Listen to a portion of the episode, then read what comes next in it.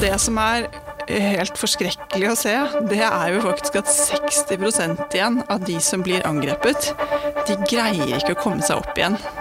Og de ender med å slå seg selv konkurs i løpet av seks måneder.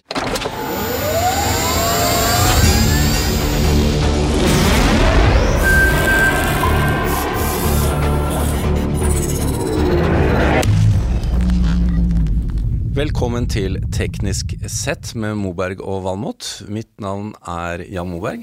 Og jeg heter Odd-Rikard Valmot. Ja, og eh, vi får legge til, Odd-Rikard, det er Teknisk Ukeblad som eh, vi selvsagt fortsatt jobber for. Det håper jeg inderlig at det er, ja. Du, eh, i dag skal vi innom et tema som vi begge har erfart, men vi har vel klart egentlig å spare oss for de verste misærene. Vi har ikke, ikke, ikke virkelig gått i baret. Ikke på veldig mange år, Jan. Nei. Men jeg har jo gått i baret. Men har du sendt mye penger til Nigeria? altså? Nei, jeg, det har aldri kasta meg penger, men det var noe øh, f- bildefiler som gikk tapt for jeg tror det må være 12-15 Du har siden. klikket på noe du ikke skulle klikke på. Ja, Det har jeg gjort. og det spredde seg til hele øh, maillista mi, selvfølgelig. Ja. Det er, det er lenge siden, men det har skjedd. Ja da. Nå har jo da um, En ting er oss som personer, en annen ting er jo næringslivet. Dette, dette har jo følger som er faktisk er større enn jeg ante. Og eh, det skal vi få høre litt om i dag. Og hvordan man jobber for å mm, hva skal jeg si, beskytte næringslivet.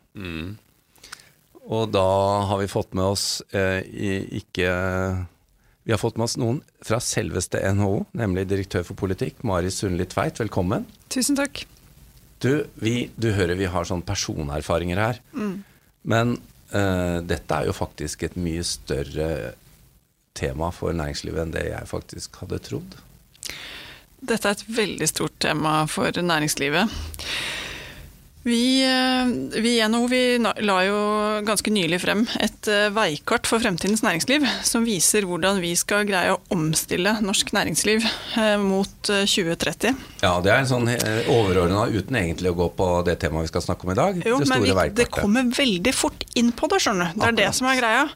Eh, fordi at eh, sant, her, skal vi, eh, her skal vi skape 250 000 nye arbeidsplasser i privat sektor. Da må vi forstå hva våre konkurransefortrinn er, hvilke skuldre vi skal bygge på. Vi må forstå hva de store trendene i samfunnet er. Eh, så skal vi jo selvfølgelig nå klima- og bærekraftsmålene. Og så skal vi skaffe jobber til alle. Det er, kjempe, det er veldig veldig store oppgaver, og det innebærer en veldig stor omstilling. Og da skal jeg jo For å komme inn på temaet, da, så kan jeg avsløre med en gang at digitalisering er jo selvfølgelig en av de store store mulighetene som er beskrevet i dette veikartet. Ja. Og her ligger det store konkurransefortrinn for Norge. Vi er jo en veldig på en måte, langt fremme eh, på teknologi. Vi har eh, store andre områder med veldig tydelig skjæringsflate mot teknologi IKT, energiområdet f.eks., eh, hvor vi har konkurransefortrinn. Så at her, her, her vil vi komme veldig fort inn på dette Ja, også- i utviklingen av norsk næringsliv. Og så Ja. er det jo sånn at eh, på den andre siden av de mulighetene, så, eller veldig tett sammen med det, så henger jo også den store sårbarheten og den kalde trusselen, da. Som henger sammen med cybersikkerhet og det å ikke forstå det, og ikke klare å håndtere det underveis. Ja, fordi jeg skulle kommentere her at uh, vi er jo ikke bare store utviklere av teknologi, men også fremfor alt brukere. Mm. Og det, er jo, det gjør oss jo veldig sårbare da. Mm. Det, det her er jo ikke noe nytt eh, problem. Vi har snakka om det her i 10-15 år. Syns dere det har blitt bedre eller verre? For at eh, motparten utvikler seg jo i like rask takt. Ikke sant? Så dette her er jo et uh, trusselbilde som endrer seg hele tiden. Og endringstakten den øker jo helt parallelt med at endringstakten også innenfor Ja. den teknologiske utviklingen uh, går raskere og raskere. Uh, så vil også dette trusselbildet hele tiden utvikle seg. Så det er jo rett og slett veldig, veldig krevende å følge med på. Og det å greie å liksom både komme opp på nivå på det, og klare å holde takta på den utviklingen, det kommer til å kreve både at vi har mye ekspertkompetanse, og der Ja. er vi ikke helt på sporet på å komme i mål på hvor mange vi trenger. Det er estimert at vi trenger 15 000 dette tiåret. Og vi kommer til med den takta vi utdanner nå, så utdanner vi 11 000, så det er 4000 i manko der. Så vi må ha mer på det. Men så må vi også ha liksom, i alle bedrifter og hos alle enkeltpersoner vi må forstå dette her. Vi må forstå det nok eh, til at vi ikke blir eh, den sårbarheten. For det vi ser i bedriftene, det er jo ofte at det er jo enkeltpersoner, eller ganske sånn i anførselstegn små enkelthendelser, små feil, ja. som skal gjøres for at disse store eh, truslene ja. klarer å komme på en måte inn hos oss. Sånn at eh, Og det norske næringslivet, det det består jo i veldig veldig stor grad av små og mellomstore bedrifter. Ja. Og hvis vi ser på de angrepene som er nå Vi kjenner jo godt til store angrep på store bedrifter som gjerne kommer i pressen og sånn, det hører vi om. Ja. Men det er faktisk sånn at 60% av angrepene de retter seg mot små eller mellomstore bedrifter. Og det som er helt forskrekkelig å se, det er jo faktisk at 60 igjen av de som blir angrepet, de greier ikke å komme seg opp igjen. Og de altså, ender med å slå under. seg selv konkurs ja. i løpet av seks altså måneder. 60 av de som blir angrepet, eller 6, ramma av det? Også. 60% av de som blir rammet, eller hvor ja. det er hvor angrepet lykkes, lykkes da, for å si det sånn, greier ikke å komme seg opp igjen og ender med å slå seg selv konkurs i løpet av seks måneder. Så det er jo det å bli utsatt for dette her, det er utrolig alvorlig. Hvor mange bedrifter i Norge gjelder det, sånn cirka?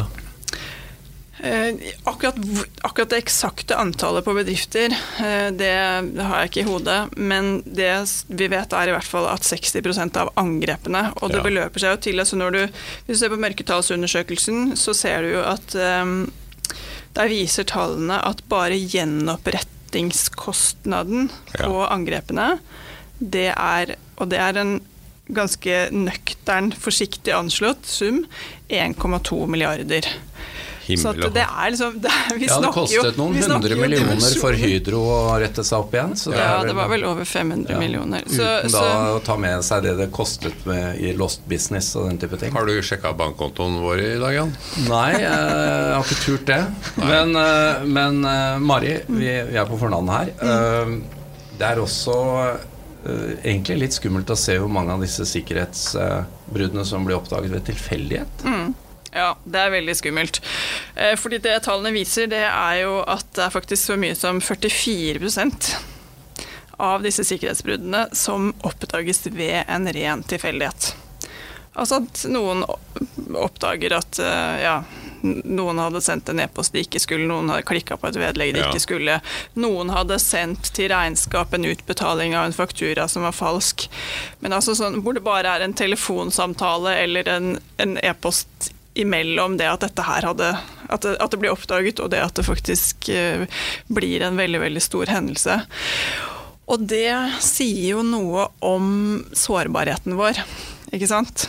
Ja. Når det er 44% som blir oppdaget på den måten, da har vi ikke da, da, har vi jo ikke gode nok systemer for å fange dette opp. Nei, det tror jeg rett og slett var, det må vi slå fast. Det var jo til og med slik at uh, hvis jeg ikke husker feil, til og med Hydro-angrepet kom jo som følge av et vedlegg.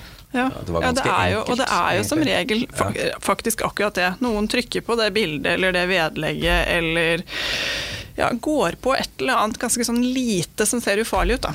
Men nå har jo dere da uh, tatt mål av dere til å, til å komme med et, uh, noen råd, et veikart. Mm. Mm. Hvordan skal bedriftene Hva er rådene til bedriftene? Mm. Jeg tror det er veldig viktig at eh, næringslivet selv eh, tar et eh, stort ansvar på beredskapssiden. Og da skal selvfølgelig NHO være på ballen og bidra til det. Til å nettopp komme med disse her tilpassede verktøyene for ulike typer bedrifter i ulike typer bransjer. Og da har jeg lyst til å skryte av det initiativet som Norsk Industri, altså en av våre ja landsforeninger har tatt i samarbeid med ti pilotbedrifter og med Sintef Manufacturing og NTNU Gjøvik. Sammen så har de utviklet et veikart for cybersikkerhet da i industrien eh, som bedriftene kan ta i bruk. Og det er jo da både Det handler jo om beste praksis, og det handler om prinsipper, men det følger også med minikurs som de ansatte i bedriftene oppfordres til å ta. Og det er liksom en pakke da, som, som bryter dette her ned på kall det håndterbare, tilgjengelige, tilpassede biter eh, som gjør at bedriftene kan komme seg opp og på høyde. Og så er det jo, som vi var inne på i sted, dette her beveger seg hele tiden. Så det er jo ikke sånn at du bare kan ta et kurs, og så kommer du aldri mer til å klikke på feil vedlegg. Her må man på en måte, Dette må man gjøre igjen og igjen og igjen. Ja. Og, og, her har jeg en kjepphest, da. Jeg, jeg skulle jo ønske at det kanskje var litt lettere når jeg får noe som er mistenksomt, ja. å kunne sjekke. Er dette noe jeg bør håndtere, eller er dette trussel eller ei? Ja. Det kan jo være litt pinlig hvis, du, hvis jeg får en mail fra Odd-Rikard og, og, og, det faktisk er en uh, reell henvendelse, og ikke bare han prøver å svindle. Eller noen prøver å bruke ditt navn på å svindle meg. Ja. Odd-Rikard. Ja. Så det å gjøre det litt enklere da, å sjekke ut hva er uh, For det er ikke alt som blir stoppet av filterne. Hva Nei. er eh, innafor og utafor? Det er mye som ikke blir stoppet av filterne. Eh, og jeg tror at eh, de aller fleste av oss opplever å få veldig ofte mailer, f.eks., hvor man tenker at det her skal jeg ikke klikke på. Ja. Forhåpentlig, da. Det, det så, så, tenker, så, tenker, man det. Ja, minst ukentlig. Og det som er og det, og det vil jeg si fra, fra meg selv som, som leder, ikke ikke være redd for å gå den ekstra runden og spørre du, var det du som sendte den, eller mm. kan du hjelpe meg å sjekke om dette her ser mistenkelig ut, for den her tør ikke jeg å klikke på med det første. Jeg har tatt mange sånne henvendelser selv, både den jobben jeg har nå, ja. men i tidligere jobber. Og så kommer kanskje da IT tilbake og sier sånn ja, den er du faktisk nødt til å klikke på hvis du skal få betalt denne regninga for NHO. og da får jeg heller tåle det. Men det handler jo, dette handler jo om kultur, og om at vi skal ikke være redde for, for det. Så det å nettopp um, Det må jo være en del av det å ha det i ryggraden, handler også om å be om råd, da. Men det har, det, de er blitt veldig flinke til å på en måte snike seg under en sånn grense hvor vi ikke orker å sjekke. Jeg fikk eh, forrige uke et sånn mail fra SMS fra Posten om at jeg måtte betale 27 kroner for å få en pakke som de hadde. Ja, du klikker ikke på den. Ja, men skal du ringe til Posten da for å sjekke opp det her? Det er jo håpløst. ikke sant? Da, da tar det jo en time. Du, men jeg, der betaler ikke det. Jeg skjønte jo hva det var. Ja. Men, men, men, det er mange som gjør det. Ja, ja. Veldig mange som gjør det. 27 kroner, det er jo ingenting. Nei, men, Kanskje er det noen ganger bare 10 kroner eller et eller annet som er sånn helt uh, peanøtt. Så tenker du at det er, ikke, det er ikke farlig, og så klikker man, og så er det inne. Mm. Vi må spørre deg, Mari Sundli Tveit, det er ikke sikkert du har svar på det, men har vi oversikt over hvor mye av denne eh, bandittvirksomheten som foregår innenfra landet eller fra utlandet?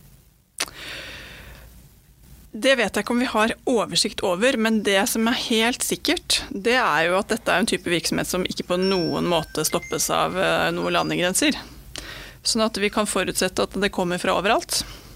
Ja, det er jo, en, eh, det er jo, det er jo greit å, å, å, ha i mente, selv om vi, eh, vi kan jo ha våre mistanker, Odd Rikard. Vi i hvert fall. Mm. Når vi ja. ser hva som foregår og, og hvor man peker hen. Mm. Men det er, jo, det er, jo, en kjempeutfordring her. Du har jo vært inne på det. Men uh, vi blir flinkere til å håndtere det. Men uh, disse kriminelle blir også flinkere og får flere verktøy. Hva, hva er som den Hvordan skal vi håndtere dette, da? Jeg, jeg skjønner jo det at kompetanse og utdanning er én ting, men dette er jo litt sånn der våpenkappløp? Det er eh, våpenkappløp, og hvis du skal greie å, å hamle opp i et våpenkappløp, så er det klart at du må sette inn noen som er skikkelig god på våpen. Eh, så i dette tilfellet så er det da altså det er cybersikkerhetsekspertene som vi er nødt til å utdanne, ja. som hele tiden må være der og forstå hvordan dette her utvikler seg hele tiden. Eh, og så må de igjen hjelpe eh, alle oss andre som må omsette dette her til mye mer tilgjengelige eh, enheter for dem som skal jobbe med det og bruke det i det daglige. Men man kommer ikke utenom å bygge kompetansen på begge de to nivåene, nettopp fordi det utvikler seg så utrolig raskt. Du snakka litt om best practice i sted. Er det noe sånn internasjonal best practice? Er det noen land som har gått foran og klart det her bedre enn andre land, som vi har noe å la oss inspirere av? Jeg tror det er veldig mye å, å inspirere seg av, både, både, når det gjelder hvordan ulike myndigheter har tilnærmet seg det, men også hvordan ulike bedrifter ja, ja. Eh, greier å være i front på, på, dette her. Så uten å trekke fram noen liksom, eh, konkrete hvem som er best eller ikke, ikke, best, så vil jeg jo si at dette er et sånn typisk område hvor, det må være, hvor vi må hjelpe hverandre eh, til å hele tiden eh, dele beste praksis, og ikke måtte finne opp hjulet igjen og igjen. Eh, så det er jo også en viktig rolle. For, for oss i NHO, da, nettopp å lage de arenaene for at man kan dele beste praksis og, og, og, og lære å gjenkjenne de fellene som andre eh, har gått i. Når kan vi forvente at denne, denne virksomheten eller denne planen er klar, sånn at bedriftene kan begynne å benytte den? Mm. Det veikartet som eh, norsk industri altså holder på med, det er ferdig nå i løpet av oktober. Og da vil det bli gjort eh, tilgjengelig, så da håper vi jo at eh, flest mulig vil benytte seg av det. For det er virkelig skreddersydd da inn mot et stort område i, i Norge som er norsk industri. Da får vi lese den, Odd-Rikard. Ja, kanskje vi berger bankkontoen vår, Jan. Og, ja, avslutningsvis, eh, Mari. Hva er oppsummeringen her? Hva er hovedbudskapet? Jeg tror hovedbudskapet må være at eh, vi har en jobb å gjøre både med å komme opp på nivå, og da holde takten etter det. Og det er helt nødvendig at vi får til det, og at vi er trygge på at vi er der vi skal være. For i det ligger også det å klare å ta ut de store mulighetene som ligger i de konkurransefortrinnene. Du klarer på en måte ikke å, å, ta ut det hvis du ikke har den tilliten til at uh, vi, har, uh, vi har styr på det som uh, ligger på skyggesiden. Mm. Vi må bli gode på det defensive her for å klare å være offensive på den store planen. Oi, her kommer det sportsmetafor. Ja. Det var kjempebra. Ja, veldig bra. Takk til deg, Mari Sundli Tveit, direktør for politikk i NHO. Takk til Odd-Rikard Valmot Takk til eh, vår produsent Sebastian Hagemo, og mitt navn er Jan Moberg. Tusen takk. Dersom du ønsker å konsumere enda mer innhold fra oss i TU.no og Digi.no, anbefaler vi at du blir abonnent. Det vil gi deg tilgang til alt vårt innhold innen energi, elektrifisering, forsvar, fly, samferdsel, byggenæring, industri, maritime næringer, karriere og mye, mye mer fra vår kyndige redaksjon. Du vil da også få tilgang til alle sakene Odd-Rikard skriver om sine 687 favorittområder. Vi har også egne avtaler for bedriftsabonnement, og som om ikke det var nok, medlemmer av Nito og Tekna for halv pris.